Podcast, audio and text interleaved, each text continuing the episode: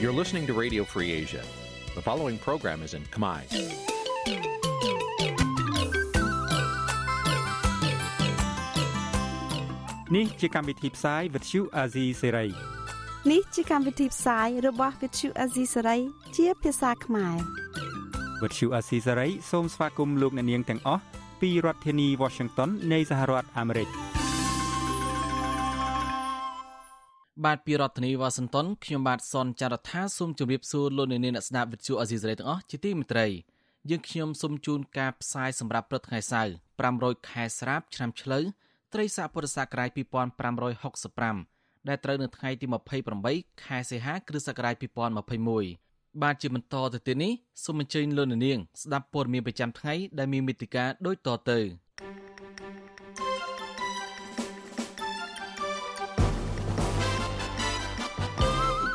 សង្គមស៊ីវិលព្រួយបារម្ភថាស្ត្រីដែលរងគ្រោះដោយសារអំពើជួញដូរមិនទទួលបានសេវាជំនួយបានរយៈពេលវែង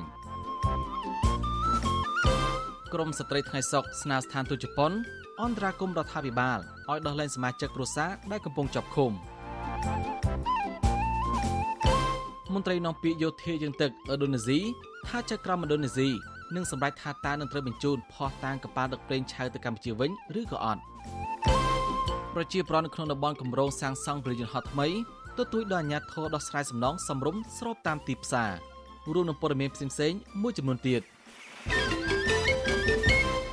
បាទជាបន្តទៅទៀតនេះខ្ញុំបាទសនចាររថាសូមជូនព័ត៌មានពិស្ដាអង្គការសង្គមស៊ីវិលបារម្ភថាស្ត្រីរងគ្រោះដោយអំពើជួញដូរកម្លាំងពលកម្មនិងកេងប្រវ័ញ្ចផ្លូវភេទមិនបានទទួលសេវាជំនួយរយៈពេលវែងការព្រួយបារម្ភនេះធ្វើឡើងបន្ទាប់ពីរដ្ឋលេខាធិការនិងជាអ្នកនាំពាក្យក្រសួងការបរទេស និងសហប្រតិបត្តិការអន្តរជាតិកាលពីថ្ងៃទី27ខែសីហាឲ្យដឹងថារយៈពេល6ខែពីខែមករាដល់ខែមិថុនាឆ្នាំនេះស្ត្រីរងគ្រោះរបស់កម្ពុជាបានចាញ់បោកតាមរយៈអំពើជួញដូរមនុស្សអំពើកេងប្រវ័ញ្ចមានចំនួន230នាក់ត្រូវបានជួយសង្គ្រោះពីប្រទេសចិន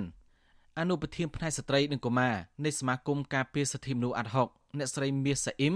ថ្លែងថាស្ត្រីរងគ្រោះអំពើជួញដូរកម្លាំងពលកម្មនិងកេងប្រវ័ញ្ចផ្លូវភេទពិតជាមានចំនួនច្រើនដូចនេះមែន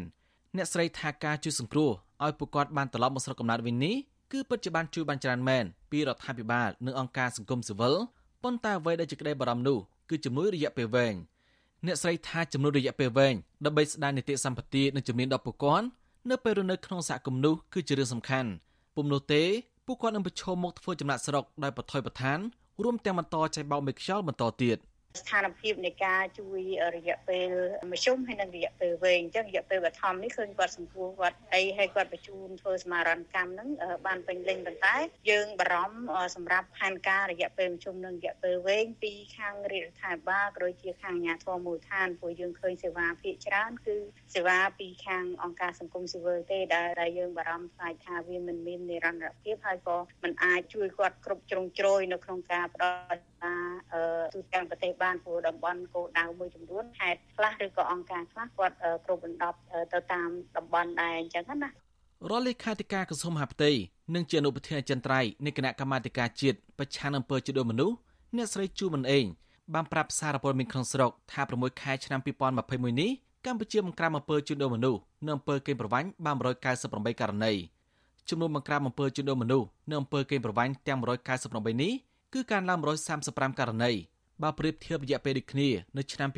2020ដែលមានត្រឹមតែ63ករណីគណៈកម្មាធិការជាតិនេះក៏ខកខ្លួនជនសង្ស័យបាន291នាក់ហើយសង្គ្រោះជនរងគ្រោះបាន721នាក់ក្នុងចំនួននេះ198ករណីនេះមានករណីជួញដូរមនុស្សដោយកម្លាំងពលកម្ម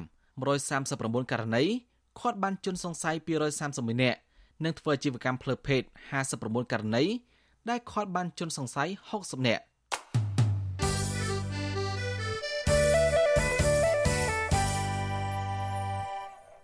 បានលោកនាងជាទីមត្រីអ្នកជំងឺ Covid-19 ចំនួន17អ្នកទៀតបានស្លាប់ដែលធ្វើករណីស្លាប់ដោយសារ Covid-19 បានកើនឡើងដល់ជាង1800អ្នកហើយ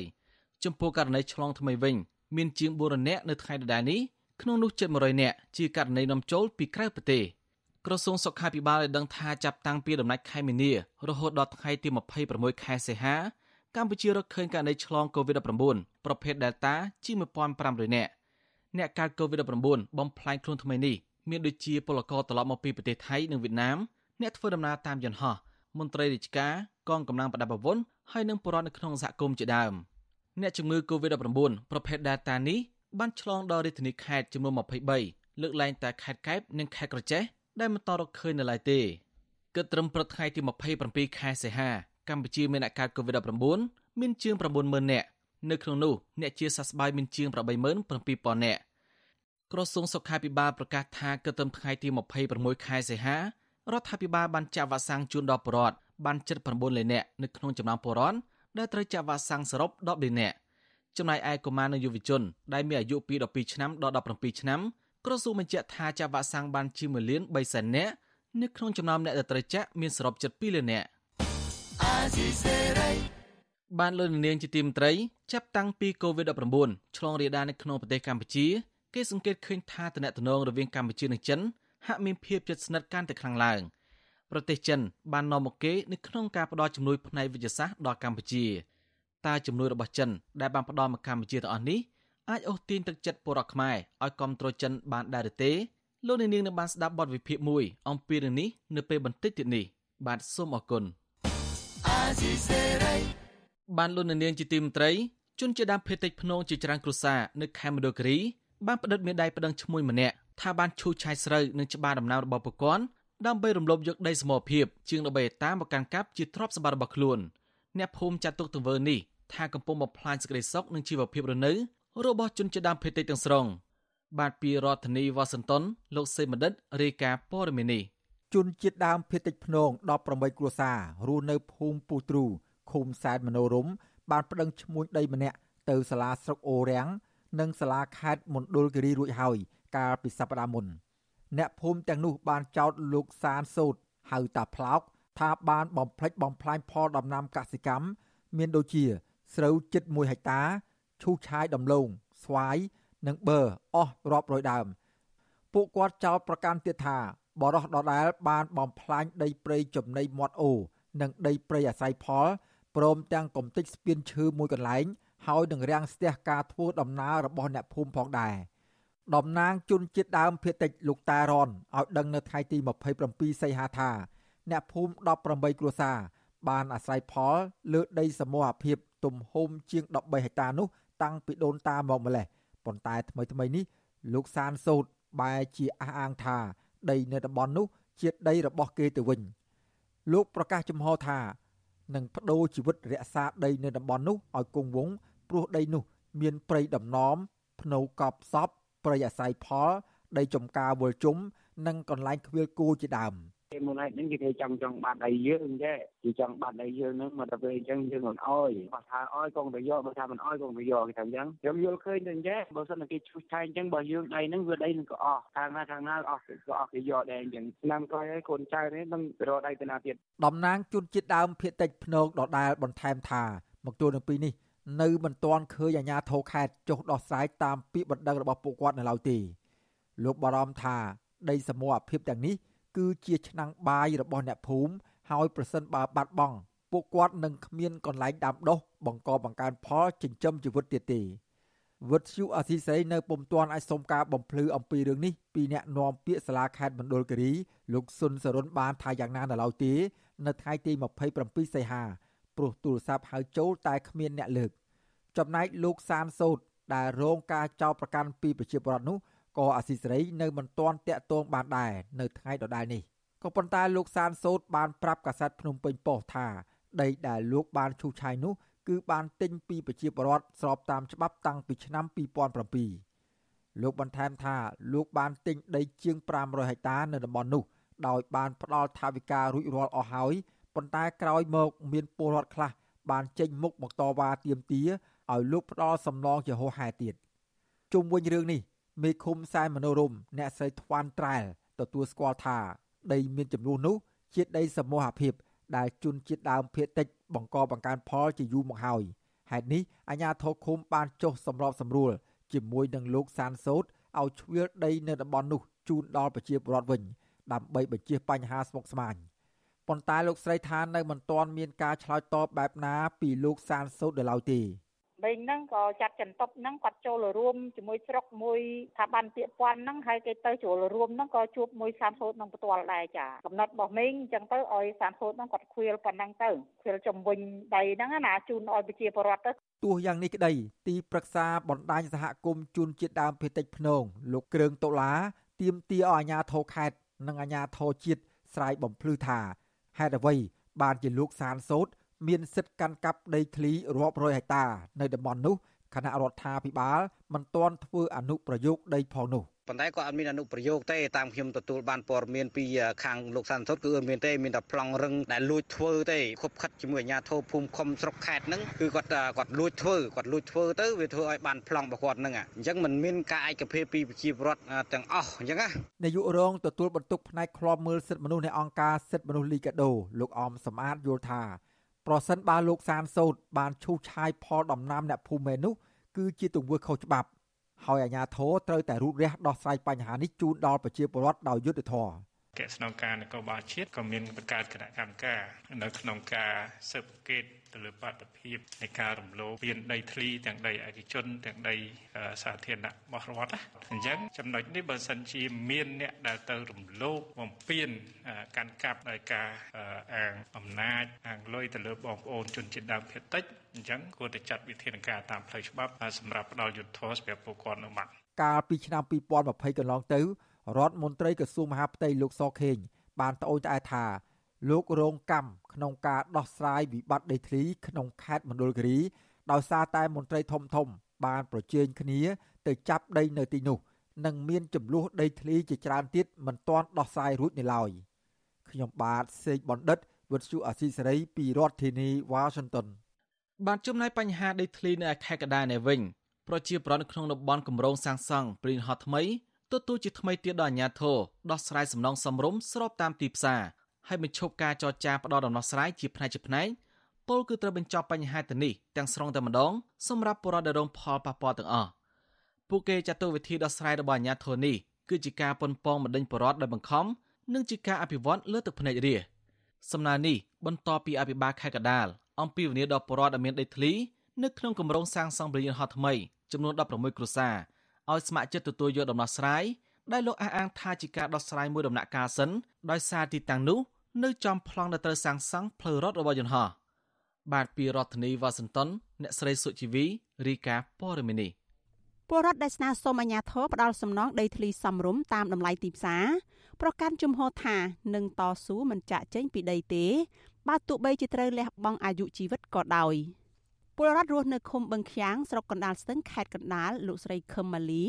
ប្រាប់វិទ្យុអាស៊ីសេរីថាពលរដ្ឋចង់បានសំណងស្របតាមតម្លៃទីផ្សារហេតុនេះបានមូលមាត់គ្នាតស៊ូការពីដីតទៅទៀតសុកចិត្តបត់ថាដូចជាខាងច្បាយខេត្តគាត់និយាយថាទោះបីយើងព្រមមិនព្រមគេដឹងតែយកគេដឹងតែធ្វើអញ្ចឹងណាពួកបងក៏ថាក៏បដិញ្ញាចិត្តនិយាយគ្នាថាសុកចិត្តស្លាប់នៅលើដីខ្លួនហ្មងព្រោះអីយើងយក8រៀលទៅទិញណាអូនទៅទិញណាបានទិញឲ្យបានទេអញ្ចឹងពួកបងមានតែការ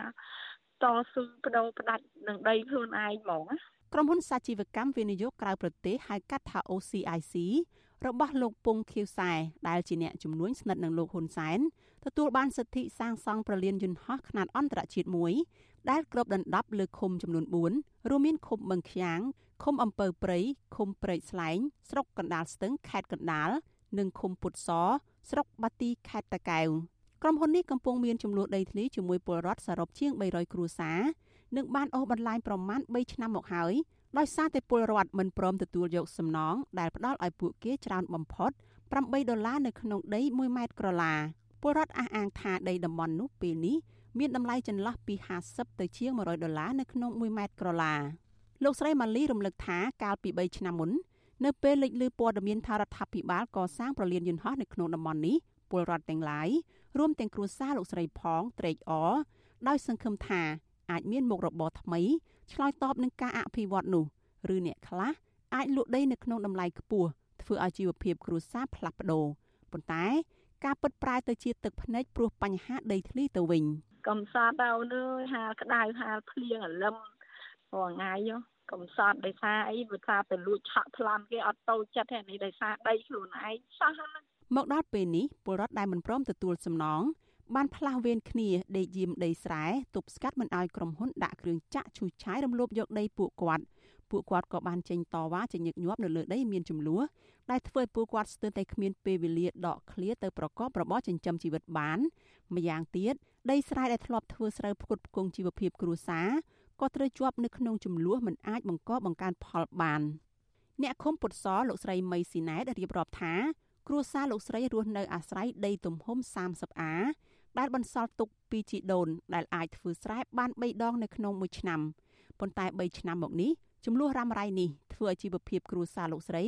កាន់តែតោកយ៉ាកលោកស្រីនិយាយទាំងអួលដើមកថាពេលនេះគ្រួសារលោកស្រីជាគ្រួសារក្រីក្រកម្រិត2ហើយតទៅមុខទៀតលោកស្រីមិនដឹងថានឹងធ្លាក់ទៅក្រីក្រកម្រិតណាទៀតនោះទេស្រីណែតសំណុំពរឲ្យអាជ្ញាធរដោះស្រាយបញ្ចប់បញ្ហានេះ ដើម្បីឲ្យពលរដ្ឋបានរស់នៅក្នុងជីវភាពសមរម្យឡើងវិញលោកស្រីថា ការដាក់គ្រឿងចាក់ឈូសឆាយការដាក់កងកម្លាំងប្រដាប់អាវុធការពារដីទុកឲ្យក្រុមហ៊ុន ការសម្លុតគម្រាមពលរដ្ឋនិងវិធីសាស្ត្រដោះស្រាយតាមដំណាក់កាលកំពុងធ្វើឲ្យពលរដ្ឋភ័យខ្លាចពីការបង្ខំយកដីពលរដ្ឋធ្វើឲ្យពលរដ្ឋទឹកភ្នែកព្រោះតែការអភិវឌ្ឍរបស់រដ្ឋាភិបាលតែមិនគួរណាដល់ថ្នាក់ដល់ថ្នាក់8រៀល3រៀលសូម្បីត្រីឆ្លូច1គីឡូ 1គីឡូ10រៀលហ្នឹងបងត្រីឆ្លូច38000ខ្វះតែ2000អញ្ចឹងតែដីខ្ញុំក៏ថោកឯថោកយ៉ាងនេះលើឃើញស្រក់ទឹកភ្នែកហ្មងពាក់ព័ន្ធនឹងរឿងនេះអាជ្ញាធរអះអាងថាពេលនេះកំពុងដោះស្រាយសំណងដល់ពលរដ្ឋដែលស្ថិតនៅក្នុងតំបន់ដែលចំប្លង់សាងសង់ផ្លូវរត់របស់យន្តហោះអភិបាលខេត្តកណ្ដាលលោកគង់សុភ័ណ្ឌអំពាវនាវឲ្យពលរដ្ឋស្ម័គ្រចិត្តទទួលយកសំណងដែលអាជ្ញាធរផ្ដល់ឲ្យ ជាពិសេសពលរដ្ឋចំនួន16គ្រួសារដែលមានដីស្ថិតនៅចំផ្លូវរត់របស់យន្តហោះប៉ុន្តែទោះជាយ៉ាងណាលោកអភិបាលខេត្តនៅតែអះអាងថាសំណងនៅតែមានតម្លៃ8ដុល្លារដដែលព្រោះនោះគឺជាតម្លៃពិតប្រាកដនៅមុនពេលប្រកាសបើកគម្រោងនេះលោកថាពលរដ្ឋអាចមានជំរើសមួយទៀតដែរគឺទទួលយកដីនៅតំបន់ផ្សេងដែលអាជ្ញាធរបានរៀបចំឲ្យតែលោកក៏មិនបានបញ្ជាក់ថានៅតំបន់ណាជាក់លាក់ឡើយអញ្ចឹងទៅបងប្អូនយើងមួយចំនួនគាត់ក៏ព្រមលក់ តែបងប្អូនមួយចំនួនទៀតគាត់ថាគាត់មិនលក់ទេគាត់ទារតម្លៃខ្ពស់បាទកន្លែងនឹងហើយបានជាមានការជឿរើសថាបងប្អូនណាព្រមក៏យកបងប្អូនណាមិនព្រមនៅ ក្នុងរង្វង់នៃការគ្រប់គ្រង2600ហិកតានឹងជាបន្តសិនបាទហើយខេត្តខត់ខំខំបើមិនព្រមគឺមានលក្ខណៈដូរដី ដីអាចដូរបាន1ហិកតាបើសិនជាក្រុមហ៊ុនអស់លទ្ធភាពដីនៅចិត្តគឺដូរដីនៅទីឆ្ងាយបន្តិចក្នុងកំឡុងមហត្តា2 ពលរដ្ឋដែលមានដីនៅចំប្លង់ផ្លូវរត់របស់យន្តហោះលោកស្រីខឹមម៉ាលីឆ្លើយតបថាលោកស្រីស្ទើរតែមិនជឿថាមកដល់សម័យនេះហើយអញ្ញាធរបែរជាជ្រើសរើសយកការអភិវឌ្ឍដែលមិនផ្ដល់សំណងសមរម្យដល់ពលរដ្ឋបែបនេះណាខាងជីវភាពក៏វាយ៉ាប់ណាបើយើងមិនទៅយាមក្រុមហ៊ុនចេះតែដាក់គ្រឿងចាក់មកឈូសឆាយលើដីពួកបងអញ្ចឹងណាចេះតែសុំឲ្យខាងអាជ្ញាធរនឹងជួយដោះស្រាយឲ្យគាត់អត់គាត់គាត់ទៅថា ឲ្យបងយកតែ8ដុល្លារហើយនឹងដូរដីគ្រាន់តែប្រជាជនគាត់ចង់ថាបើលក់កន្លះហាត់តាឲ្យទៅទិញវិញបានកន្លះហាត់តាទៅមិនមែនលក់កន្លះហាត់តាទៅទិញវិញបានអឺ 5A 6A អីចឹងឯអូនណាគម្រោងប្រលានយន្តហោះថ្មីនេះក្រុមហ៊ុន OCIC វិនិយោគនៅក្នុងទឹកប្រាក់ប្រមាណជាង1500លានដុល្លារនៅលើផ្ទៃដីសរុបជិត3000ហិកតាគម្រោងនេះ គ្រោងនឹងសាងសង់ឲ្យចប់នៅក្នុងឆ្នាំ2023ខាងមុខឆ្លើយតបនឹងការលើកឡើងរបស់ពលរដ្ឋតាក់ទងនឹងការបង្ខំបណ្ដឹងចេញនិងការអភិវឌ្ឍធ្វើឲ្យពលរដ្ឋទឹកភ្នែកអភិបាលខេត្តកណ្ដាលលោកគង់សុភ័ណ្ឌលើកឡើងថារដ្ឋាភិបាលចាំបាច់ត្រូវមានការអភិវឌ្ឍចំណែកពលរដ្ឋក៏ត្រូវចូលរួមចំណែកជាមួយរដ្ឋាភិបាលលោកអះអាងថាពលរដ្ឋម្ចាស់ដី ដែលមានឯកសារកាន់កាប់មិនគួរបារម្ភថានឹងបាត់បង់ដីដោយគ្មានសំណងឡើយ អញ្ចឹងទាមទារសូមឲ្យគាត់មានការលះបង់និងការចូលរួមផងដែរទន្ទឹមនឹងរដ្ឋាភិបាលក៏បានគិតគូរហើយមិនមែនថាយើងឲ្យក្រុមហ៊ុនវិនិយោគមួយទៅយកដីបងប្អូនប្រជាជនទៅទេទេចំណែកមន្ត្រីសម្របសម្រួលគម្រោងធុរកិច្ចនិងសិទ្ធិមនុស្សនៃមជ្ឈមណ្ឌលសិទ្ធិមនុស្សកម្ពុជាលោកវ៉ាន់សុផាតលើកឡើងថាវិធីសាស្ត្រដោះស្រាយរបស់អាជ្ញាធរនេះហាក់បង្ហាញពីការបង្ខំឲ្យពលរដ្ឋទទួលយកសំណងលោកថាអាជ្ញាធរគួរយកគំរូតាមការដោះស្រាយសំណងដល់ពលរដ្ឋ នៅអាគារសឬក៏បដិញសនៅរាជធានីភ្នំពេញដែលពលរដ្ឋយល់ព្រមចាក់ចេញ នៅពេលដែលពួកគេយល់ថាសំណងនោះសមរម្យយើងមិនចង់ឲ្យប្រជាពលរដ្ឋដែលរងផលប៉ះពាល់ហ្នឹងទទួលរងទឹកភ្នែកដូចជានៅបរិយាកាសដូចជានៅបង្កក់នៅដីក្រហមអីចឹងណាបាទឃើញមាន កើតជាសមរដូចសមរភូមិប្រយុទ្ធរវាងនៅក្នុងសមរភូមិប៉ុន្តែរវាងអតីតប្រជាពលរដ្ឋរបស់ខ្លួនឯងហើយនឹងកម្លាំងសាធារណៈរបស់រដ្ឋខ្លួនឯងអញ្ចឹងមន្ត្រីសិទ្ធិមនុស្សរូបនេះទទូចដល់អាជ្ញាធរពាក់ព័ន្ធបញ្ឈប់ការបណ្តេញពលរដ្ឋចេញពីដីធ្លីដោយបង្ខំពីព្រោះការនេះធ្វើឲ្យពលរដ្ឋរងគ្រោះធ្លាក់ទៅក្នុងភាពក្រីក្រចំណែករដ្ឋាភិបាលក៏ជាប់ឈ្មោះមិនល្អដោយសារតែការរំលោភសិទ្ធិសេរីភាព និងធ្វើទុកបុកម្នេញពលរដ្ឋខ្លួនឯងនេះខ្ញុំសុជីវី Virtual Azizi Saray ពីរដ្ឋធានី Washington បានងារមកការតវ៉ារៀងរាល់ថ្ងៃសុក្ររបស់គ្រួសារអ្នកជាប់ឃុំនៅវិញក្រមស្ត្រីថ្ងៃសុក្រប្រមាណ20នាក់បាននាំគ្នាតវ៉ានៅដាក់ញត្តិជូនស្ថានទូតជប៉ុន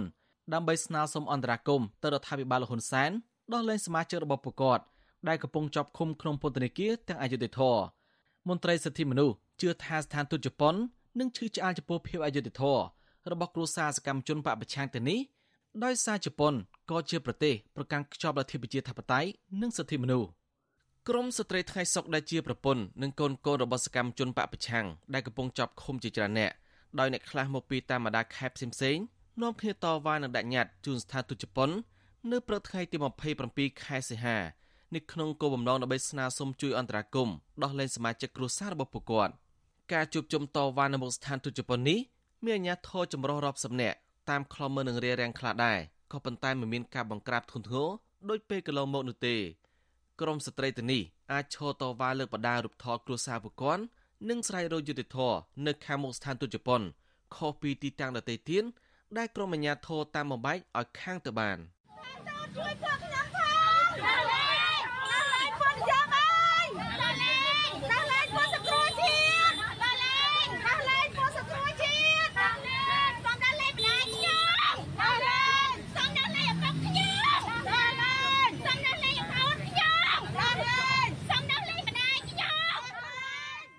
ក្រោយឈោស្រ័យតវ៉ានឹងលើបដាមួយសន្ទុះខមត្រីស្ថានទូតជប៉ុនបានអនុញ្ញាតឲ្យតំណាងស្ត្រីថ្ងៃសុក5នាក់ចូលដាក់ញត្តិនៅក្នុងស្ថានទូតជប៉ុនតំណាងស្ត្រីថ្ងៃសុកម្នាក់ដែលមានប្តីនឹងកូនប្រុសកំពុងចាប់ឃុំគឺលោកស្រីព្រំចន្ទថាថ្លែងប្រាប់វិទ្យុអេស៊ីសេរីក្រោយជាបដញ្ញាតថាមន្ត្រីស្ថានទូតជប៉ុនបានរុះរារាក់ទាក់ហើយជជែកសួរសុខទុក្ខព្រមទាំងសន្យាថានឹងប្រគល់ញត្តិនេះទៅឯអគ្គរដ្ឋទូតជប៉ុនដើម្បីឲ្យពិនិត្យមើលហើយយកសំណើនេះទៅជជែកជាមួយរដ្ឋាភិបាលកម្ពុជា លោកស្រីរំពឹងថាស្ថានទូតជប៉ុននឹងជួយអន្តរាគមន៍ទៅរដ្ឋាភិបាលដើម្បីលើកលែងទោសឲ្យអ្នកចាប់ឃុំនៅក្នុងសំណុំរឿងនយោបាយទាំងអស់ដោយសារប្រទេសជប៉ុនជាប្រទេសមហាអំណាចមួយដែលមានទំនាក់ទំនងល្អផ្នែកពាណិជ្ជកម្មនិងជាម្ចាស់ចំនួនធំរបស់កម្ពុជាជប៉ុនដើម្បីឲ្យពួកអន្តរាគមជួយក្រុមគ្រួសាររបស់ពួកខ្ញុំដែលវារងគេធွာសម្រាប់ក្រុមគ្រួសារពួកខ្ញុំទាំងអស់ហ្នឹងដែលសិទ្ធិអ្នកនយោបាយគេចាប់ដាក់គុកណាតែឲ្យវាកំហុសសោះចាប់ដាក់គុកហើយម្នាក់ម្នាក់ទៅជាប់ប្តីខ្ញុំវិញខំទុកគេអត់ទាន់កាត់ទោសប្រហែលឆ្នាំឯងបើអ្នក បងបងអ្នកផ្សេងគេកាត់2ឆ្នាំជួនណាទៅពន្លីពេល2ឆ្នាំបណ្ណៃជាលុយទៀតហើយបងកូនប្រុសខ្ញុំទៅចាប់បានរយៈពេល2ខែប្រហែលថ្ងៃហើយព្រាមតន់ខ្ញុំអាយុខ្ញុំក៏ចាប់គ្នាទៅដែរខ្លឹមសារនិញ្ញាតដែលក្រមស្ត្រីថ្ងៃសុកបានដាក់ជូនស្ថានទូតជប៉ុននេះគឺពួកគាត់អំពាវនាវឲ្យឯករាជ្យទូតជប៉ុនលោកមីសាហេរ៉ូមីកាមីប្រើឥទ្ធិពលនៃតំណែងល្អជួយទាមទាររដ្ឋាភិបាលទុំដាក់រាល់បទចាប់ប្រកាន់ឲ្យដោះលែងប្តីប្រពន្ធឪពុកម្ដាយនិងសាច់ញាតិដែលកំពុងជាប់ឃុំក្នុងពន្ធនាគារដោយអយុត្តិធម៌ ពួកគាត់រៀបរាប់ក្នុងញត្តិថាស្ថានភាពក្នុងពន្ធនាគារចង្អៀនអានខ្លាំងរហូតដេកផ្អៀងផ្ទុយគ្នាខ្វះអនាម័យ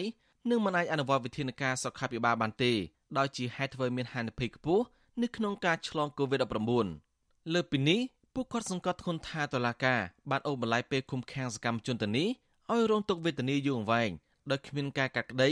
ខណៈជីវភាពគ្រួសាររបស់ពួកគាត់នៅខាងក្រៅវិញក៏កាន់តែធ្លាក់ចុះដុនដាបក្រមស្ត្រីទាំងនេះ ថែមទាំងលើកឡើងថារបបឯកបកសពថ្ងៃនេះបានចាប់មនុស្សដាក់គុកតាមអំពើចិនហើយមិនខ្វល់ខ្វាយស៊ើបអង្កេតករណីវិដំលើសកម្មជនគណៈបកសង្គ្រោះជាតិនៅឡើយប្រពន្ធរបស់សកម្មជនបកសង្គ្រោះជាតិម្នាក់ទៀតគឺលោកស្រីអុកចន្ទធីរៀបរាប់ថាប្តីលោកស្រីឈ្មោះយឹមសារ៉េតនិងសកម្មជននយោបាយមួយចំនួនទៀតបានជាប់ឃុំដោយគ្មានកំហុសជាង1ឆ្នាំ5ខែមកហើយលោកស្រីសង្ឃឹមថាស្ថានទូតជប៉ុននឹងរកវិធីជជែកជាមួយរដ្ឋាភិបាលលហ៊ុនសែនដើម្បីឲ្យប្រគល់សេរីភាពជូនអ្នកជាប់ឃុំនយោបាយទាំងអស់ឡើងវិញ ខ្ញុំមកស្ថានទូតជប៉ុននេះគឺដើម្បីសូមឲ្យស្ថានទូតនិងនាយករដ្ឋមន្ត្រីជប៉ុនប្រជាជនជប៉ុនដែលតែងតែជួយដល់ប្រជាជនកម្ពុជាដោយឥតសំណងអ្វីទាំងអស់ហ្នឹងសូមឲ្យគាត់ហ្នឹងជួយធ្វើម៉េចឲ្យប្រទេសកម្ពុជាមានការគោរពសិទ្ធិមនុស្សនិងលទ្ធិប្រជាធិបតេយ្យឡើងវិញហើយដើម្បីឲ្យស្ថានទូតជប៉ុនហ្នឹងអន្តរាគមយ៉ាងណាក៏ដោយជួយដើម្បីឲ្យដោះលែងក្រុមគ្រួសារពួកខ្ញុំទាំងអស់នឹងឲ្យគាត់មានសិទ្ធិសេរីភាពឡើងវិញ ហើយដោះលែងឲ្យឲ្យគាត់មានសិទ្ធិធ្វើនយោបាយឡើងវិញវិទ្យុអស៊ីសេរីមិនទាន់អាចតតងប្រធានអង្គភិបអ្នកនាំពាក្យរដ្ឋាភិបាលលោកផៃសិផាននិងអ្នកនាំពាក្យក្រសួងយុតិធធលោកជិនម៉ាលីនដើម្បីសុំការឆ្លើយតបរឿងនេះបានទេ នៅថ្ងៃទី27ខែសីហាកន្លងទៅក្រមស្ត្រីថ្ងៃសុកទៅនេះបានដាក់ញត្តិដែលមានខ្លឹមសារដូចគ្នាទៅកាន់ស្ថានទូតប្រទេសប្រជាធិបតេយ្យធំៗមួយចំនួនរួចមកហើយដូចជាសហរដ្ឋអាមេរិកសហភាពអឺរ៉ុបព្រមទាំងការិយាល័យឧត្តមស្នងការសហប្រជាជាតិ ទទួលបន្ទុកសិទ្ធិមនុស្សប្រចាំនៅកម្ពុជាជាដើមជុំវិញរឿងនេះប្រធានសមាគមការពារសិទ្ធិមនុស្សអាត់ហុកលោកនីសុខាមានប្រសាសន៍ថាការតវ៉ានឹងដាក់ញត្តិដោយសន្តិវិធីរបស់ក្រមស្ត្រីថ្ងៃសុងដើម្បីស្វែងរកយុត្តិធម៌ឲ្យសមាជិកគ្រួសារប្រកបគឺជាការប្រើប្រាស់សិទ្ធិសេរីភាពស្របតាមច្បាប់ដូច្នេះអាជ្ញាធរគួរតែបញ្ឈប់ការរារាំងនិងការយាយីគ្រប់រូបភាពទន្ទឹមគ្នានេះលោកជឿថាការតស៊ូដាក់ញត្តិរបស់ក្រមស្ត្រីទាំងនេះនឹងធ្វើស្ថានទូតប្រទេសប្រជាធិបតេយ្យទាំងអស់ កាន់តែឈឺឆ្អាលចំពោះភាពអយុត្តិធម៌របស់ប្រព័ន្ធនិងជួយអន្តរាគមន៍ទៅរដ្ឋាភិបាលបន្ថែមទៀត។ ខ្ញុំគិតថាទោះបីយ៉ាងណាក៏ខាងស្ថានទូតគេនឹងប្រើប្រាស់នៅមធ្យោបាយតំណែងតំណងការទូតដើម្បីធ្វើឲ្យរដ្ឋាភិបាលលោកពិចារណានៅក្នុងការដោះលែងកម្មជនទាំងអស់ហ្នឹងនៅមុនពេលរៀបចំការបោះឆ្នោតក្រមប្រសាគុំសង្កាត់មកដល់បាទអញ្ចឹងខ្ញុំគិតថាជាទូទៅស្ថានទូតពិសេសគឺទូតសេរីគេចង់ឃើញប្រទេសកម្ពុជាយើងដើរទៅតាមកណ្ដងមួយគឺជាកណ្ដងប្រជាធិបតេយ្យនិងការគោរពសិទ្ធិមនុស្សដោយអ្វីដែលរដ្ឋាភិបាលយើងបានចុះហត្ថលេខីទៅលើឧបករណ៍សិទ្ធិមនុស្សមួយចំនួនក្រោយដាច់ញ៉ារួយដល់ក្រមស្ត្រីថ្ងៃសុកបានអង្គុយបរិភោគអាហារថ្ងៃត្រង់ជុំគ្នានៅតាមដងផ្លូវខាងមុខស្ថានទូតជប៉ុនមុនពេលដែលពួកគាត់បំបែកគ្នាទៅលំនៅឋានរៀងៗខ្លួនពួកគាត់បដិញ្ញាថានឹងបន្តតវ៉ានឹងដាក់ញត្តិជូនស្ថានទូតប្រទេសប្រជាធិបតេយ្យផ្សេងៗទៀតនៅរៀងរាល់ថ្ងៃសុក្ររហូតដល់មានការដោះលែងគ្រួសារពួកគាត់បាទចំណាយករណីលួចដឹកប្រេងឆៅតម្លៃ20លានដុល្លារចេញពីកម្ពុជាវិញ មន្ត្រីអង្គការសង្គមស៊ីវិលបន្ទោសថាបញ្ហានេះបណ្ដាលមកពីភាពខ្វះចន្លោះឬកំហុសឆ្គងរបស់មន្ត្រីកម្ពុជាអ្នកនាំពាក្យបកកណ្ដាលអំណាចទទួលស្គាល់ថាបញ្ហានេះអាចបណ្ដាលមកពីភាពខ្វះចន្លោះមែនក៏ប៉ុន្តែរដ្ឋាភិបាលនៅតែអាចទប់ស្កាត់បញ្ហានេះបើទោះបីជានាវាដឹកប្រេងបានចេញផុតពីទឹកដីកម្ពុជាទៅហើយក្តីបាទពីរដ្ឋធានីវ៉ាស៊ីនតោនលោកលេីម៉ាលីរាយការណ៍ព័ត៌មាននេះក្រុមអ្នកឃ្លាំមើលលើកឡើងថាប្រេងឆៅជាទ្រព្យរួមរបស់កម្ពុជា ដូច្នេះរដ្ឋាភិបាល គួរបញ្ជូនប្រេងនោះមកកម្ពុជាឲ្យបានឆាប់រហ័សពួកគេស្នើទៅរដ្ឋាភិបាលឲ្យពិនិត្យឡើងវិញពីសមត្ថភាពបំពេញការងាររបស់ឆ្មាំសមុទ្រកម្ពុជា ដែលបណ្ដេតបណ្ដោយឲ្យមានការនាំប្រេងកម្ពុជាចេញដោយខុសច្បាប់នាយកប្រតិបត្តិមជ្ឈមណ្ឌលប្រជាពលរដ្ឋដើម្បីការអភិវឌ្ឍនិងសន្តិភាពលោកយងកំឯងជំរុញទៅរដ្ឋាភិបាលឲ្យស៊ើបអង្កេតឲ្យបានពេញលេញនិងច្បាស់លាស់អំពីករណីលួចប្រេងចេញពីទឹកដីកម្ពុជា ដែលមានតម្លៃប្រមាណ20លានដុល្លារលោកលើកឡើងថាប្រេងយ៉ាងសន្ធឹកសន្ធាប់បែបនេះហេតុអ្វីបានដឹកចេញពីកម្ពុជាបានងាយស្រួលដូចនេះលោកសង្ស័យករណីនេះអាចមានជាប់ពាក់ព័ន្ធជាមួយអាជ្ញាធរមានសមត្ថកិច្ចជាច្រើនមិនមែនត្រឹមតែក្រុមហ៊ុនដឹកប្រេងនោះទេត្រូវតែគិតបាទត្រូវតែពិចារណាដែរថាតើយើងត្រូវធ្វើការស្រាវជ្រាវឲ្យបានម៉ត់ចត់ហើយ បញ្ចេញរបាយការណ៍ឲ្យសាធារណជនដឹងថាវាពាក់ព័ន្ធយ៉ាងម៉េចបាទហេតុអីក៏លួចបានច្រើនណាស់បាទស្រដៀងគ្នានេះដែរនាយកប្រតិបត្តិនៃអង្គការតម្លាភាពកម្ពុជា លោកពេជ្រពិសីយល់ថាកម្ពុជាគួរស្វែងរកដំណោះស្រាយជាមួយភាគីឥណ្ឌូនេស៊ីឲ្យបានលឿនដើម្បីឆាប់បាននាំប្រេងមកកម្ពុជាវិញដើម្បីងាយស្រួលក្នុងការដោះស្រាយរឿងផលប្រយោជន៍ជាមួយក្រុមហ៊ុន Chris Energy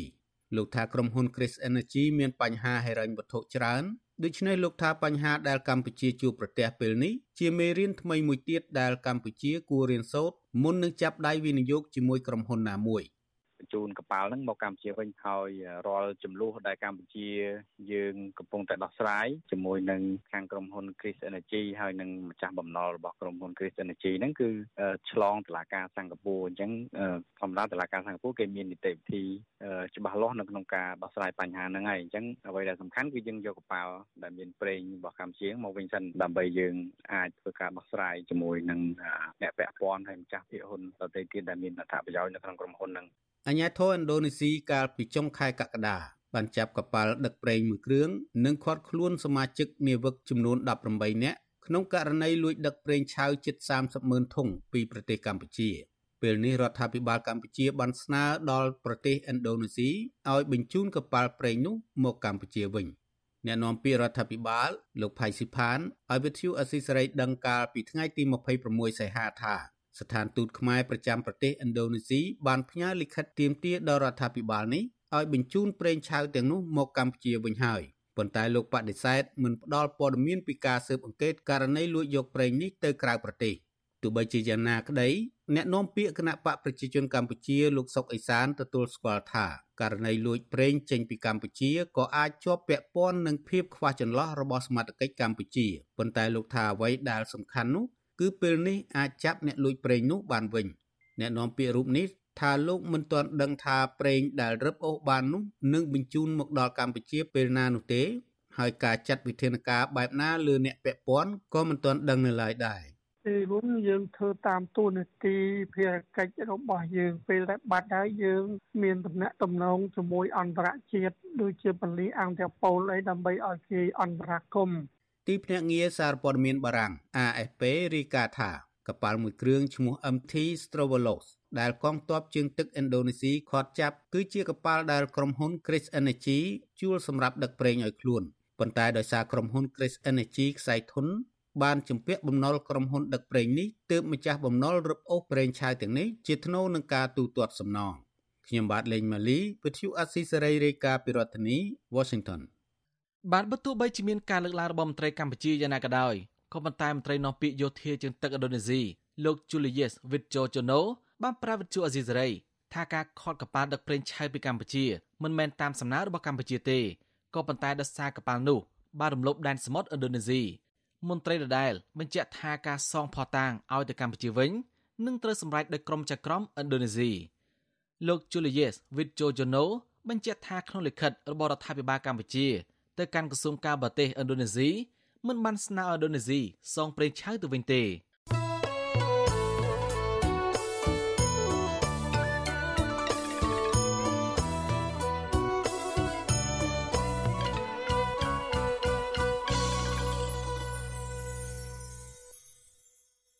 បានលន់នាងជាទីមត្រីពលករខ្មែរដែលធ្វើការងារខុសច្បាប់នៅប្រទេសម៉ាឡេស៊ីអំពីវិនិយោគរកចំនួនជាបន្ទាន់អំឡុងពេលដែលប្រទេសនេះ មានការរីករាលដាលខ្លាំងដោយសារ COVID-19 ពួកគាត់គ្មានការងារធ្វើបាត់បង់ប្រាក់ឈ្នួលប្រចាំថ្ងៃខ្វះខាតជីវភាព និងមានបំណុលជាប់ខ្លួនជាដើមក្រៅពីនេះពួកគាត់បាត់បង់សិទ្ធិសេរីភាពដើរហើរដោយអាចប្រឈមនឹងអាជ្ញាធរម៉ាឡេស៊ីចាប់ខ្លួនទៀតផង បានជាបន្តទៅនេះសូមអញ្ជើញលោកនាង ស្ដាប់សេចក្តីរាយការណ៍របស់អ្នកស្រីខែសំណងដែលរៀបរាប់អំពីជីវិតពលករធ្វើការចំណាក់ស្រុកខ្មែរដែលគ្មានលិខិតស្នាមស្របច្បាប់នៅប្រទេសម៉ាឡេស៊ីដូចតទៅ ស្ត្រីជនជាតិចាមវ័យ37ឆ្នាំម្នាក់ដែលបច្ចុប្បន្នកំពុងរស់នៅក្នុងបន្ទប់ជួលតូចមួយជាមួយ កូនស្រីអាយុជាង10ឆ្នាំ2នាក់នៅក្នុងខេត្តយូហូប្រទេសម៉ាឡេស៊ីត្អូញត្អែថាពួកគាត់បច្ចុប្បន្នកំពុងប្រឈមបញ្ហាជីវភាព និងគ្មានប្រាក់សងម្ចាស់បំណុលនោះទេ ពលករខ្មែរនៅប្រទេសម៉ាឡេស៊ីលោកស្រីហុលវិស្នាឈ្មោះចាមហៅថាយ៉ាអេសាសជាអ្នកខេត្តបាត់ដំបងថ្លែងថាគាត់ស៊ីឈ្នួលដេកខោអាវនិងមើលកូនឲ្យជនជាតិម៉ាឡេស៊ីជាង8ឆ្នាំមកហើយ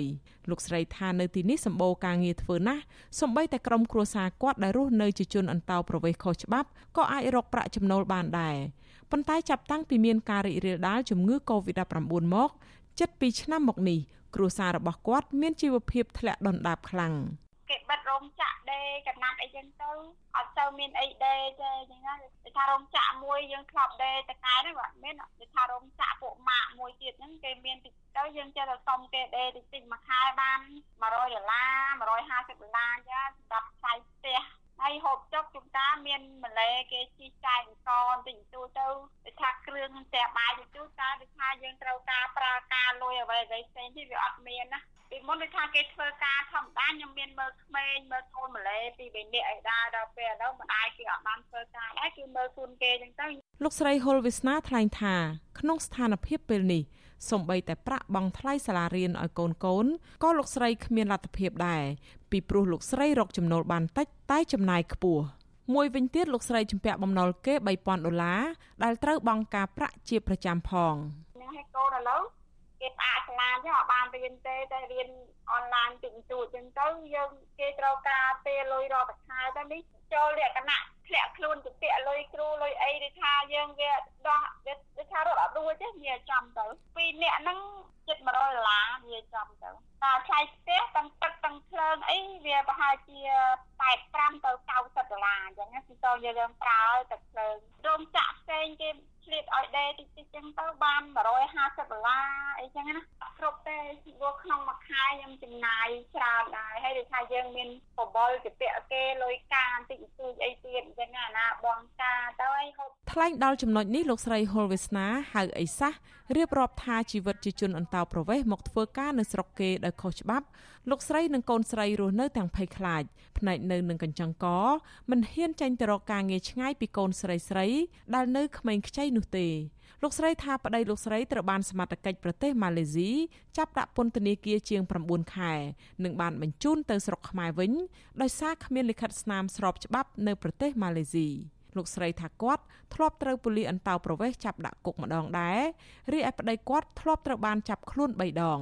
លោកស្រីថាបំណុលដែលលោកស្រីជាប់ជំពាក់គេសប្តាហ៍នេះគឺដោយសារគាត់ទៅខ្ចីគេយកទៅបង់ផាកនិងចំណាយរត់ការផ្សេងផ្សេងកាលពីគាត់នឹងប្តីត្រូវសមត្ថកិច្ចចាប់ខ្លួន ថាប្តីខ្ញុំយកចាំទៅចាប់3ដងហើយបងគាត់ទៅរត់ទៅលក់ទៅគេចង់មកទៅគេចាប់ទៅតែកាលហ្នឹងគេថាវាអត់មានកូវីដទេយើងបង់ផាកឲ្យគេទៅចាប់តែ21ថ្ងៃហ្នឹងគេបញ្ជូនទៅខ្មែរអញ្ចឹងទៅមកវិញអស់1000ដុល្លារទៅខ្ញុំអស់មួយសាហ្នឹងទៅដល់ពេលមកដល់ទៅប្តីខ្ញុំចាប់ផ្ដើមជប់ប៉ាសពតដូចអ្នកទេសចរមួយខែម្ដងអញ្ចឹងណា មួយខែចំណាយ150ដុល្លារទៅជប់ដល់ថៃពេលជប់ប្រហែលជាមួយឆ្នាំកន្លះដូចថាគេបើកថាធ្វើអីតាមពួករោងចក្រហ្នឹងទៅក៏ទៅធ្វើនឹងគេទៀតគេថាអត់បានតែទុកពីអាសាបងខ្ញុំអស់ប្រហែលជា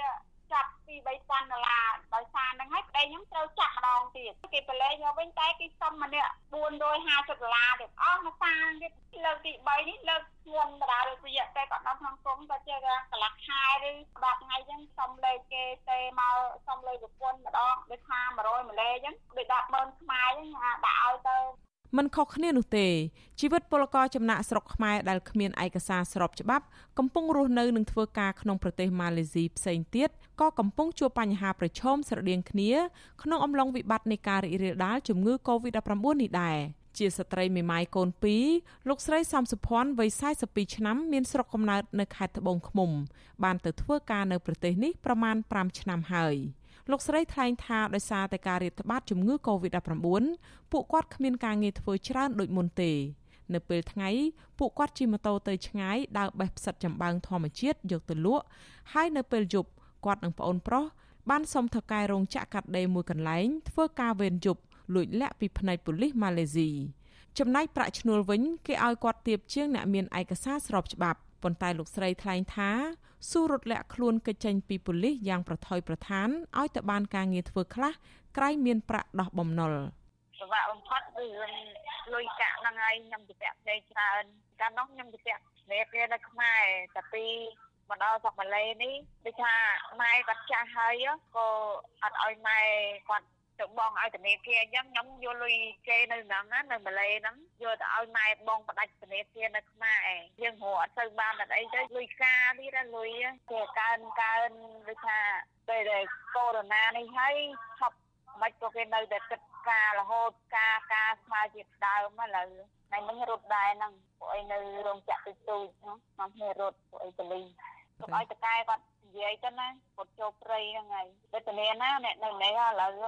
លោកស្រីសុភ័ណ្ឌបន្តថានៅពេលបានការងារធ្វើម្ដងម្ដងក៏រត់ពេលនៅផ្ទះគ្មានការងារធ្វើក៏ភ័យខ្លាច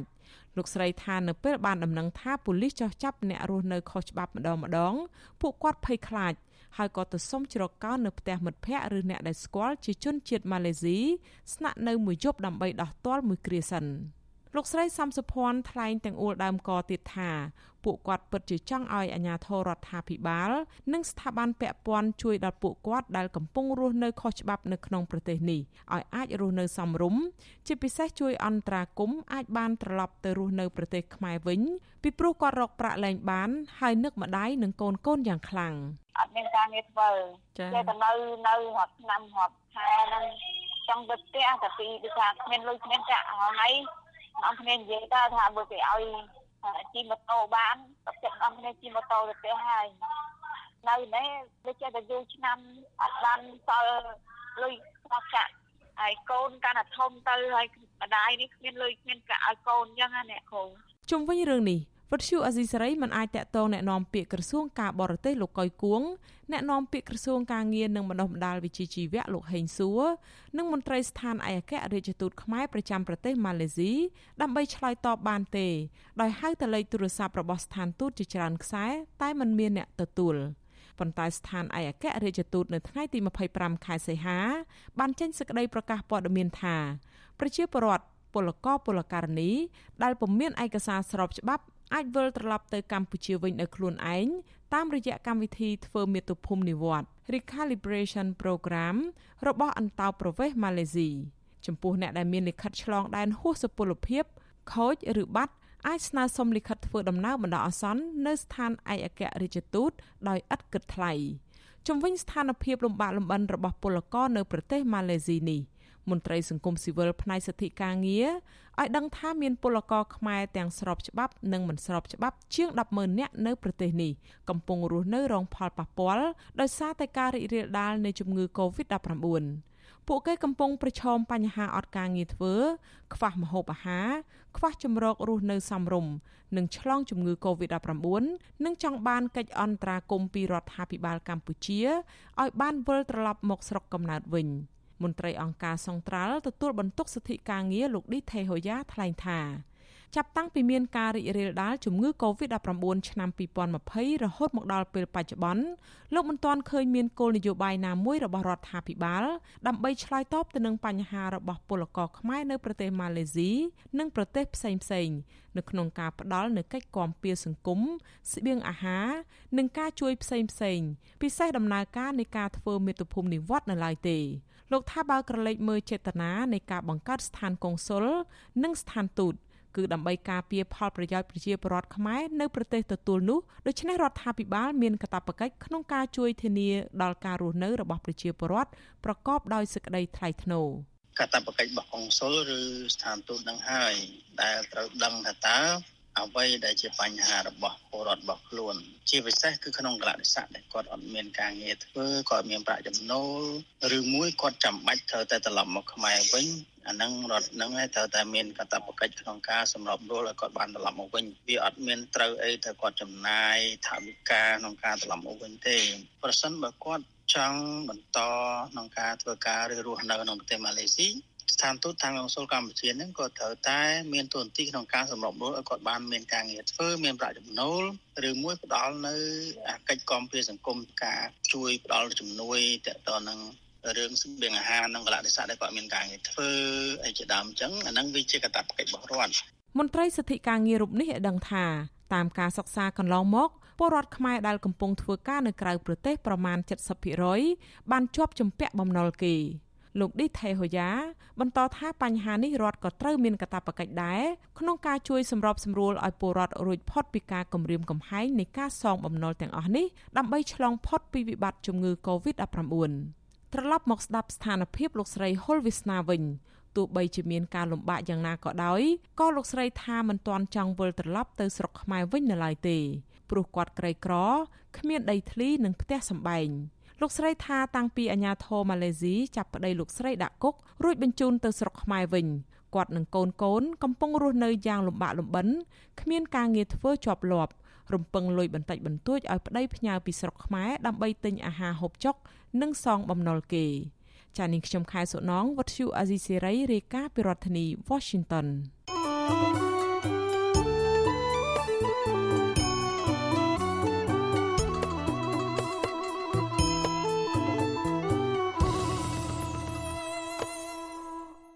បានលន់នាងជាទីមត្រីចាប់តាំងពីពេលដែលប្រទេសកម្ពុជាមានករណីឆ្លង COVID-19 គេសង្កេតឃើញថាតំណែងរវាងកម្ពុជានិងចិនហាក់មានភាពជិតស្និទ្ធកាន់តែខ្លាំងឡើងចិនជាប្រទេសឈានមុខគេនៅក្នុងការផ្តល់ជំនួយវិទ្យាសាស្ត្រដល់កម្ពុជាអំឡុងពេលនៃការរាតត្បាត COVID-19 ជំនួយវ៉ាក់សាំងរបស់ចិនបានគ្របដណ្ដប់លើជំនួយវ៉ាក់សាំងរបស់ប្រទេសផ្សេងៗទៀតដែលផ្ដល់ឲ្យកម្ពុជាប្រទេសចិនក៏ជាទីផ្សារគ្រប់គ្រងវ៉ាក់សាំងដែលកម្ពុជាបានបញ្ជាទិញច្រើនជាងគេបង្អស់ ក្រៅពីផ្ដល់ជំនួយវ៉ាក់សាំងសម្ភារៈបរិក្ខារពេទ្យហើយលក់វ៉ាក់សាំងដល់រដ្ឋាភិបាលថាមានតម្លៃថោកចិនក៏បានបញ្ជូនក្រុមគ្រូពេទ្យជំនាញមកជួយបណ្ដុះបណ្ដាលបច្ចេកទេសដល់គ្រូពេទ្យខ្មែរដើម្បីប្រយុទ្ធប្រឆាំងនឹង COVID-19 តែជំនួយរបស់ចិនដែលផ្ដល់ដល់កម្ពុជាទាំងអស់នេះអាចអូសទាញទឹកចិត្តពលរដ្ឋខ្មែរឲ្យគ្រប់គ្រងចិនបានដែរទេ បាទពីរដ្ឋធានីវ៉ាស៊ីនតោនលោកមួនណារ៉េនមានបទវិភាគមួយអំពីរឿងនេះ តាមរយៈសកម្មភាពមនុស្សធម៌ដែលចិនកំពុងតែធ្វើមកលើកម្ពុជានៅពេលនេះចិនគួរណាស់តែទទួលបាននូវការស្រឡាញ់ពេញចិត្តពីសំណាក់ប្រជាពលរដ្ឋខ្មែរទូទៅក៏ប៉ុន្តែតាមការអង្កេតជាក់ស្ដែងពលរដ្ឋខ្មែរហាក់នៅតែយល់ឃើញថាចិនជាសភាវៈអាក្រក់មិនទាន់ល្អគ្រប់គ្រាន់ដែលត្រូវឲ្យប្រជាពលរដ្ឋខ្មែរជាទូទៅគួរលើកដំកើងនិងផ្ដាល់ក្តីស្រឡាញ់ឲ្យអស់ពីដួងចិត្តនៅឡើយ ចិនមិនត្រឹមតែមិនខ្វល់ខ្វាយពីប្រជាធិបតេយ្យនៅកម្ពុជាក៏ប៉ុន្តែជំនួយចិនកំពុងតែទាញលទ្ធិប្រជាធិបតេយ្យកម្ពុជាឲ្យដើរថយក្រោយចិនមិនខ្វល់អំពីការរំលោភបំពានសិទ្ធិមនុស្សចិនកំពុងតែជួយជំរុញឲ្យមានរបបផ្ដាច់ការនៅកម្ពុជានិងពិភពលោកចិនគិតតែពីប្រយោជន៍ផ្ទាល់ខ្លួនជនជាតិចិនតែងតែបង្កអសន្តិសុខនៅស្រុកខ្មែរក្រុមហ៊ុនចិនចូលរួមបំផ្លិចបំផ្លាញធនធានធម្មជាតិរបស់ខ្មែរប្រជាពលរដ្ឋខ្មែរយំស្រែកបាត់បង់ដីធ្លីដោយសារតែក្រុមហ៊ុនចិន ចិនកំពុងតែទាញខ្មែរឲ្យចូលនៅក្នុងហានិភ័យនៃចំនួនភូមិសាស្ត្រនយោបាយចិនជាប្រភពនាំជំងឺ Covid-19 ដល់កម្ពុជានិងពិភពលោកជាដើមទាំងអស់នេះសុទ្ធសឹងតែជាពាក្យពេចន៍មួយចំនួន ដែលគេធ្លាប់បានលើប្រជាពលរដ្ឋខ្មែរនិយាយហាក់សម្ដែងការមិនពេញចិត្តចំពោះចិនតែបើទោះបីជាយ៉ាងនេះក្តី គេក៏ឃើញមានដែរអ្នកដែលនិយាយសរសើរចិន ពាក្យសរសើរចិនមានដូចជាថាចិនជាអ្នករួមចំណែកសំខាន់នៅក្នុងការជំរុញការអភិវឌ្ឍសេដ្ឋកិច្ចនិងសង្គមនៅកម្ពុជាចិនជាអ្នកផ្ដល់ជំនួយច្រើនជាងគេដល់កម្ពុជាចិនជាអ្នកសាងសង់ផ្លូវថ្នល់និងស្ពានច្រើននិងវែងជាងគេនៅកម្ពុជាជំនួយរបស់ចិនគ្មានលក្ខខណ្ឌស្មុគស្មាញចិនគ្រប់អធិបតេយ្យកម្ពុជា ចិនមិនជ្រៀតជ្រែកចូលកិច្ចការផ្ទៃក្នុងរបស់កម្ពុជា ចិនមិនចូលចិត្តប្រដែប្រដៅនិងចិនលេងស្មើមុខស្មើមាត់នឹងកម្ពុជាជាដើម ភាគច្រើននៃពាក្យពេចន៍សរសើរទាំងអស់នេះគឺគេតែងឮចេញពីមាត់របស់ក្រុមអ្នកចិត្តស្និទ្ធនឹងចិនរួមមានទាំងប្រមុខរដ្ឋាភិបាលកម្ពុជាលោកហ៊ុនសែននិងមន្ត្រីរដ្ឋាភិបាលរបស់លោកនិងមន្ត្រីនៃបកកណ្ដាលអំណាចដែលកំពុងទទួលបានលៀបសការៈនិងការគ្រប់គ្រងពីសំណាក់ប្រទេសចិន។ ដូច្នេះប្រហែលជាគេអាចធ្វើការសន្និដ្ឋានបានថានៅក្នុងក្រសែភ្នែករបស់ប្រជាពលរដ្ឋខ្មែរគឺមានក្រុមដែលចាត់ទុកចិនថាជាសភាវៈអវិជ្ជមានផង និងក្រុមដែលចាត់ទុកចិនថាជាសភាវៈវិជ្ជមានផងហើយក្រុមនីមួយៗតែងតែបានចេញមុខលាតត្រដាងនៅទង្វើអាក្រក់របស់ចិននិងមកខាងទៀតចេញមុខនិយាយការពារចិននៅក្នុងនោះក៏រួមមានទាំងលោកនាយរដ្ឋមន្ត្រីហ៊ុនសែនផងគេនៅចាំបានថានៅក្នុងពេលដែលប្រជាពលរដ្ឋខ្មែរនិងពិភពលោកទាំងមូលហាក់កំពុងតែមើលចិននៅក្នុងរូបភាពមិនល្អ នៅពេលដែលគេដឹងថាជំងឺ Covid-19 មានប្រភពចម្លងចេញមកពីទីក្រុងវូហានប្រទេសចិននៅក្នុងពេលដែលមានការសង្ស័យថាចិនបានព្យាយាមបិទបាំងព័ត៌មានអំពីការរាតត្បាតនៃជំងឺ Covid-19 ទើបបណ្ដាលឲ្យជំងឺនេះឆ្លងរាតត្បាតយ៉ាងលឿនរហ័សទៅកាន់ពិភពលោកលោកហ៊ុនសែនបែរជាមិនបានបង្ហាញការព្រួយបារម្ភអំពីជំងឺដ៏កាចសាហាវមួយនេះនោះឡើយលោកថែមទាំងលើកទឹកចិត្តឲ្យប្រជាពលរដ្ឋកុំខ្លាចជំងឺនេះឲ្យសោះខ្លាមិនខ្លាចទៅខ្លាចអាចខ្លាគឺឆ្ងល់រឿងកន្លែងហ្នឹង លើសពីនេះនៅក្នុងសន្និសីទកាសែតមួយនៅទីស្តីការគណៈរដ្ឋមន្ត្រី នៅពេលនោះទាំងលោកហ៊ុនសែនទាំងមន្ត្រីដែលហែហមរូបលោកគ្មាននរណាម្នាក់ពាក់ម៉ាស់ដើម្បីបង្ការការចម្លងរោគនេះនោះទេផ្ទុយទៅវិញលោកហ៊ុនសែនថែមទាំងប្រមានបណ្ដេញអ្នកកាសែតណាដែលពាក់ម៉ាស់ចូលសាលនោះនេះអត់មានអ្នកណាពាក់ម៉ាស់ទេបើសិនតែពាក់ម៉ាស់ក៏មិនទៅអត់ឲ្យនៅទៅឯងឯងតែទៅទីជាមួយម៉ាស់ទៅនៅជាមួយម៉ាស់ ក្រោយមកទៀតប្រហែលជាដឹងថាអ្វីដែលលោកបាននិយាយនឹងវាហាក់ជ្រុលពេកតែបើកែវិញវាដូចជាអាម៉ាស់ពេកដែរនោះលោកហ៊ុនសែនមិនបានណែនាំឲ្យប្រជាពលរដ្ឋនិងមន្ត្រីក្រមអាវ៉ាត់របស់លោកពាក់ម៉ាស់ភ្លាមភ្លាមនោះទេដោយលោកចាប់ផ្ដើមឲ្យប្រើក្រមាខ្ទប់មាត់វិញព្រោះលោកមានជំនឿថាក្រមាក៏អាចការពារការចម្លងមេរោគនៃជំងឺ Covid-19 នេះបានដូចជាម៉ាស់អញ្ចឹងដែរពេលនោះគេចាប់ផ្ដើមឃើញមន្ត្រីរបស់លោកហ៊ុនសែនអ្នកណាណាក៏មានក្រមាបងជាប់កដែរនៅពេលដែលហែហោមលោកទៅណាមកណាម្ដងម្ដង អស្ចារ្យជាងនេះទៅទៀតលោកហ៊ុនសែនគឺជាមេដឹកនាំតែម្នាក់គត់នៅលើពិភពលោកដែលធ្វើដំណើរទស្សនកិច្ចទៅកាន់ប្រទេសចិននិងស្នើសុំមេដឹកនាំចិនធ្វើដំណើរទៅកាន់ទីក្រុងវូហាន ជាទីដែលជំងឺ Covid-19 កំពុងតែផ្ទុះខ្លាំងនៅទីនោះលោកហ៊ុនសែនថាលោកទៅប្រទេសចិនដើម្បីបង្ហាញនូវសាមគ្គីភាពនិងរួមសុខរួមទុក្ខជាមួយប្រជាជាតិចិន លើសពីនេះទៅទៀតលោកហ៊ុនសែនថែមទាំងមិនអោយនិស្សិតខ្មែរដែលកំពុងតែជាប់គាំងនៅទីក្រុងវូហាន ធ្វើដំណើរចាក់ចេញពីទីនោះត្រឡប់មកប្រទេសកម្ពុជាវិញនោះឡើយបើទោះបីជាមានជើងហោះហើរពីទីនោះមកកម្ពុជាក្តីព្រោះលោកថានិស្សិតខ្មែរត្រូវនៅទីនោះដើម្បីរួមសុខទុក្ខជាមួយនឹងប្រជាជនចិនអត់មានតម្រូវការនៃការជំនះនិស្សិតខ្មែរមកកាន់កម្ពុជាទេដោយយើងទុកនៅទីនោះ ដែលជាការរួមសុខរួមទុក្ខជាមួយគ្នាក្នុងការដោះស្រាយបញ្ហានេះលោកហ៊ុនសែនក៏មិនបានបិទជើងហោះហើរពីប្រទេសចិនមកកម្ពុជានោះដែរប្រហែលជាចិនមើលឃើញពីភក្តីភាពរបស់លោកហ៊ុនសែន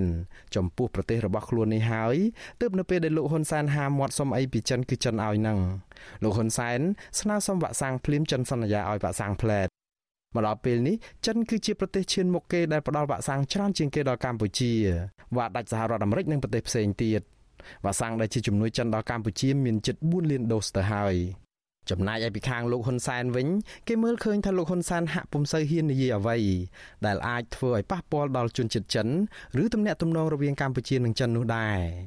មែនតែនទៅបើនិយាយពីការរាតត្បាតខ្លាំងនៃជំងឺ Covid-19 នៅកម្ពុជា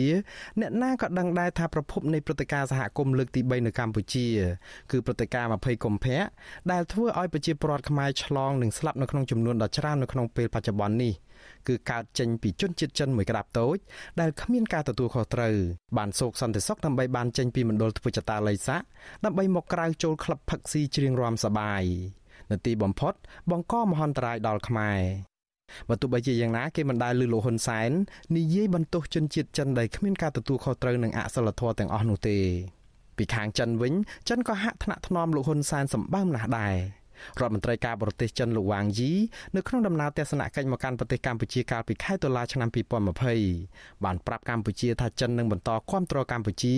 ក្នុងការថែរក្សាអធិបតេយ្យជាតិនិងរឿងជាច្រើនផ្សេងទៀត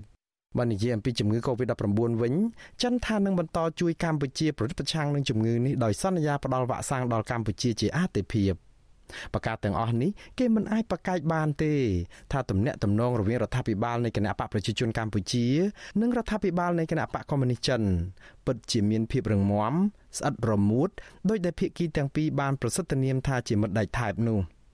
ឯកអគ្គរដ្ឋទូតចិនប្រចាំនៅប្រទេសកម្ពុជាលោកសុងបូថាទំនាក់ទំនងកម្ពុជានិងចិនប្រៀបដូចជាស្រាល្អដែលបិទទុកកាន់តែយូរកាន់តែមានរសជាតិឆ្ងាញ់និងក្លិនឈ្ងុយបើនិយាយអំពីវ៉ាក់សាំងចិនវិញ គេមិនអាចបដិសេធបានឡើយថាវ៉ាក់សាំងនេះទោះតិចឬច្រើនពិតជាបានចូលរួមកាត់បន្ថយបញ្ហាចលាចលភាពស្លន់ស្លោ និងបន្ធូរនូវភាពតានតឹងផ្នែកផ្លូវចិត្តរបស់ប្រជាពលរដ្ឋខ្មែរបានខ្លះដែរ គេពិតជាបានលើប្រជាពលរដ្ឋខ្មែរនិយាយថាចាក់វ៉ាក់សាំងចិនអាចមានប្រសិទ្ធភាពទាបមែនតែវាប្រហែលជាប្រសើរជាងមិនបានចាក់សោះបើទោះបីជាបែបនេះក្តីក៏មានប្រជាពលរដ្ឋខ្លះនិយាយចំចំតែម្ដងថាពួកគេទៅចាក់វ៉ាក់សាំងគឺដើម្បីបានកាតវ៉ាក់សាំងទុកសម្រាប់ប្រើប្រាស់នៅក្នុងជីវភាពប្រចាំថ្ងៃមិនមែនចង់ចាក់វ៉ាក់សាំងរបស់ចិនប្រមាណនោះទេមកដល់ត្រង់នេះប្រហែលជាគេអាចវិតម្លៃបានថាប្រសិនបើប្រជាពលរដ្ឋមានជំរើសច្រើន វ៉ាក់សាំងចិនប្រហែលជាមិនមែនជាជំរើសដំបូងរបស់ប្រជាពលរដ្ឋនោះឡើយ។ផ្អែកតាមការឆ្លុះបញ្ចាំងទាំងអស់នេះចិនក៏ប្រហែលជាមិនទាន់អាចឆក់យកបានបេះដូងរបស់ប្រជាពលរដ្ឋខ្មែរនៅឡើយដែរបើទោះបីជាចិនកំពុងតែឈានមុខប្រទេសដទៃទៀតនៅក្នុងការផ្តល់ជំនួយវ៉ាក់សាំងដល់កម្ពុជាក្តីតើនេះអាចមកពីចិនធ្វើទង្វើមិនគប្បីច្រើនពីមុនមកដែលធ្វើឲ្យប្រជាពលរដ្ឋខ្មែរបាត់ទំនុកចិត្តលើចិនឬក៏យ៉ាងណា ឬក៏ថារូបភាពទង្វើល្អដែលចិនកំពុងតែធ្វើនៅពេលនេះវានៅតិចតួចពេកបើប្រៀបធៀបទៅនឹងទង្វើមិនល្អដែលប្រជាពលរដ្ឋខ្មែរយល់ថាចិនបានធ្វើមកលើកម្ពុជាតាំងតែពីក្នុងពេលអតីតកាលនិងបច្ចុប្បន្នពលរដ្ឋខ្មែរហាក់នៅមានរឿងច្រើនណាស់ដែលមិនសូវសប្បាយចិត្តនឹងចិនទាំងក្នុងពេលអតីតកាលនិងបច្ចុប្បន្នដែលធ្វើឲ្យខ្មែរពិបាកផ្ដាល់ក្តីស្រឡាញ់ឲ្យអស់ពីចិត្តចំពោះចិនពិតណាស់ នៅក្នុងអតីតកាលចិនគឺជាអ្នកគ្រប់គ្រងដ៏មុតមមរបស់ពួកខ្មែរក្រហម ដែលរបបអាវខ្មៅមួយនេះបានប្រព្រឹត្តអំពើប្រល័យពូជសាសន៍លើប្រជាពលរដ្ឋខ្លួនឯងស្លាប់មនុស្សជិត2លាននាក់សម្រាប់ពេលបច្ចុប្បន្នបើនិយាយពីទំនាក់ទំនងរវាងប្រជាជននិងប្រជាជនវិញពលរដ្ឋខ្មែរក៏ហាក់នៅមិនទាន់ពេញចិត្តនឹងអត្តចរិតឬក៏អិរិយាបថរបស់ជនជាតិចិនដែលកំពុងរស់នៅលើទឹកដីកម្ពុជានោះដែរ ប្រជាពលរដ្ឋខ្មែរនៅតែចាត់ទុកវត្តមាននៃជនជាតិចិននៅកម្ពុជា ថាជាហានិភ័យសម្រាប់សង្គមជាតិដោយសារតែជនជាតិចិនមួយចំនួនបានបង្កអសន្តិសុខប្រើអំពើហិង្សាលើប្រជាពលរដ្ឋខ្មែរនិងជនជាតិចិនដូចគ្នាធ្វើឲ្យប៉ះពាល់ដល់សន្តិភាពនាំឲ្យមានអំពើក្រតកម្មនិងបង្កើតឲ្យមានភាពអនាធិបតេយ្យនៅក្នុងសង្គមខ្មែរជាងនេះទៅទៀតក្រុមហ៊ុនចិនដែលបានចូលរួមវិនិយោគនៅកម្ពុជាក៏ហាក់ពុំសូវមានកេរ្តិ៍ឈ្មោះល្អឡើយ ក្រុមហ៊ុនខ្លះធ្វើឲ្យរាជខ្មែរទឹកភ្នែកបាត់បង់ដីធ្លីស្រែចម្ការនៅក្នុងពេលដែលរោងចក្រសហគ្រាសដែលមានតកែជាជនជាតិចិនក៏មានកេរ្តិ៍ឈ្មោះមិនសូវល្អនៅក្នុងការគោរពសិទ្ធិសេរីភាពកម្មករនិយោជិតនោះដែរ លើសពីនេះទៅទៀតប្រជាពលរដ្ឋខ្មែរក៏កំពុងតែមានការបារម្ភអំពីព័ត៌មាននៃវត្តមានកងទ័ពចិននៅមូលដ្ឋានកងទ័ពជើងទឹករៀមរបស់កម្ពុជា ដែលប្រជាពលរដ្ឋគិតថាអាចអូសទាញកម្ពុជាឲ្យធ្លាក់ទៅក្នុងគ្រោះនៃការប្រជែងអំណាចផ្នែកភូមិសាស្ត្រនយោបាយរវាងប្រទេសមហាអំណាចនិងអាចនាំកម្ពុជាឲ្យដើរផ្លាត់កន្លងអព្យាក្រឹតនៃគោលនយោបាយការបរទេសរបស់ខ្លួនពលរដ្ឋខ្មែរក៏មិនចង់ឃើញចិនយកកម្ពុជាធ្វើជាកូនអុកដើម្បីបម្រើមហិច្ឆតាភូមិសាស្ត្រនយោបាយរបស់ចិននៅក្នុងតំបន់នោះដែរ ជាងនេះទៅទៀតអ្វីដែលធ្វើឲ្យប្រជាពលរដ្ឋខ្មែរជាពិសេសអ្នកនិយមប្រជាធិបតេយ្យអាចមានសេចក្តីអាក់អន់ចិត្តនឹងចិនគឺទង្វើរបស់ចិន ដែលដើរបញ្ច្រាស់ចរន្តប្រទេសប្រជាធិបតេយ្យដូចជាក្នុងពេលដែលសហគមន៍អន្តរជាតិរួមទាំងសហភាពអឺរ៉ុបផងថ្កោលទោសនឹងដាក់ទណ្ឌកម្មរបបលហ៊ុនសែនជុំទឹះរឿងរំលោភសិទ្ធិមនុស្សនិងបំផ្លាញប្រជាធិបតេយ្យដោយសារតែការរំលាយគណៈបកសង្គ្រោះជាតិបណ្ដាញអង្គការសង្គមស៊ីវិលបិទប្រព័ន្ធផ្សព្វផ្សាយឯករាជ្យនិងការធ្វើទុកបុកម្នេញសកម្មជននយោបាយនិងសង្គមប្រទេសចិនបែរជាបង្ហាញជំហរគាំទ្រចំណាត់ការរបស់របបនេះនឹងឡើងនយាយការពីកម្ពុជានៅក្នុងកិច្ចប្រជុំក្រុមប្រឹក្សាសិទ្ធិមនុស្សអង្គការសហប្រជាជាតិថែមទៀតផង។ មិនតែប៉ុណ្ណោះក្រោយរបបក្រុងភ្នំពេញរំលាយគណៈបកប្រឆាំងរដ្ឋាភិបាលចិនបង្កើនភាពស្និទ្ធស្នាលជាមួយរបបក្រុងភ្នំពេញតាមរយៈទស្សនកិច្ចផ្លូវការរបស់មន្ត្រីជាន់ខ្ពស់ចិនមកកម្ពុជាជាញឹកញាប់ដែលជាការប៉ុនប៉ងបង្ហាញបង្អែកដ៏រឹងមាំដល់លោកហ៊ុនសែននៅក្នុងការបន្តក្រាញអំណាចទាំងក្នុងរូបភាពនៃការរំលោភបំពានសិទ្ធិមនុស្សនិងបំផ្លាញប្រជាធិបតេយ្យធ្ងន់ធ្ងរនិងក្នុងស្ថានភាពដែលប្រទេសប្រជាធិបតេយ្យជាច្រើនកំពុងតែដាក់សម្ពាធកម្ពុជានៅក្នុងរឿងនេះ ត្រឹមតែរឿងផ្ដាល់វ៉ាក់សាំងនិងជំនួយគ្មានលក្ខខណ្ឌដល់កម្ពុជា ប្រហែលជាមិនទាន់គ្រប់គ្រាន់ទេចិនប្រហែលជាអាចនៅមានរឿងច្រើនទៀតក៏បីធ្វើដើម្បីឆក់យកបេះដូងប្រជាពលរដ្ឋខ្មែរឲ្យទូទុនមកស្រឡាញ់និងទុកចិត្តខ្លួននៅក្នុងនាមជាមហាអំណាចនិងជាមិត្តរបស់កម្ពុជាចិនគប្បីដើរតួជាអ្នកសម្របសម្រួលឲ្យភាគីនយោបាយខ្មែរត្រូវរើគ្នា មិនមែនចាប់យកតែក្រុមអ្នកមានអំណាចហើយមិនខ្វល់ខ្វាយចំពោះក្រុមដែលត្រូវបានគេរំលោភបំពាននោះទេ ចិនក៏បីចាប់ផ្ដើមហ៊ាននិយាយអំពីរឿងរំលោភបំពានសិទ្ធិមនុស្សប្រព្រឹត្តដោយរដ្ឋអំណាចមកលើប្រជាពលរដ្ឋខ្មែរស្លូតត្រង់ចិនក៏បីណែនាំប្រជាពលរដ្ឋខ្លួនឲ្យបដូរអេរយាប័តចេះគោរពប្រជាពលរដ្ឋខ្មែរម្ចាស់ប្រទេសនិងណែនាំឲ្យក្រុមហ៊ុនរោងចក្រសហគ្រាសចិនឲ្យមានក្រមសីលធម៌នៅក្នុងការវិនិយោគនៅកម្ពុជាផង វាប្រហែលជាពិបាកសម្រាប់ចិននៅក្នុងការនិយាយអំពីប្រជាធិបតេយ្យនិងសិទ្ធិមនុស្សនៅកម្ពុជាដោយសារតែកត្តារបបនយោបាយផ្ទាល់ខ្លួននិងគេមិនសូវល្អរបស់ចិនជំវិញការគោរពសិទ្ធិមនុស្សនៅក្នុងប្រទេសរបស់ខ្លួនទោះជាយ៉ាងនេះក្តីចិនប្រហែលជាអាចនៅមានឱកាសនៅក្នុងការស្ដារមុខមាត់របស់ខ្លួនបានខ្លះដែរ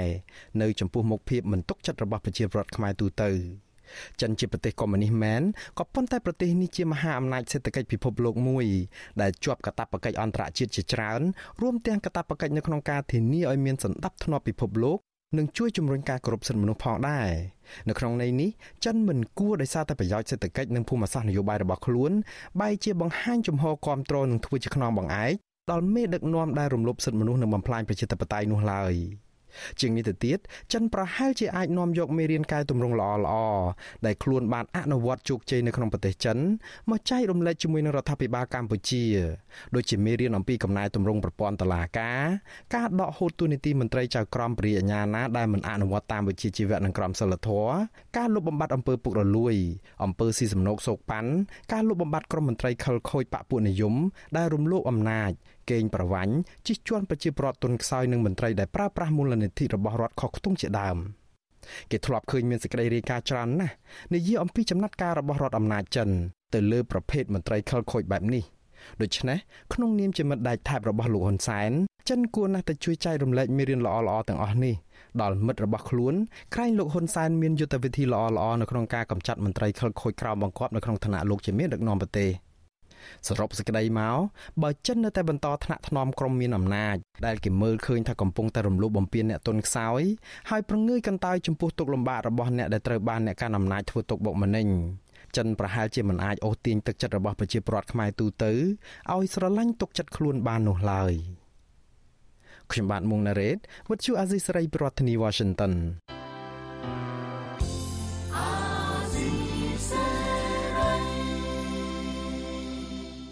បានលោកនៅនាងកញ្ញាអ្នកស្ដាប់វិទ្យុអាស៊ីសេរីជាទីមេត្រី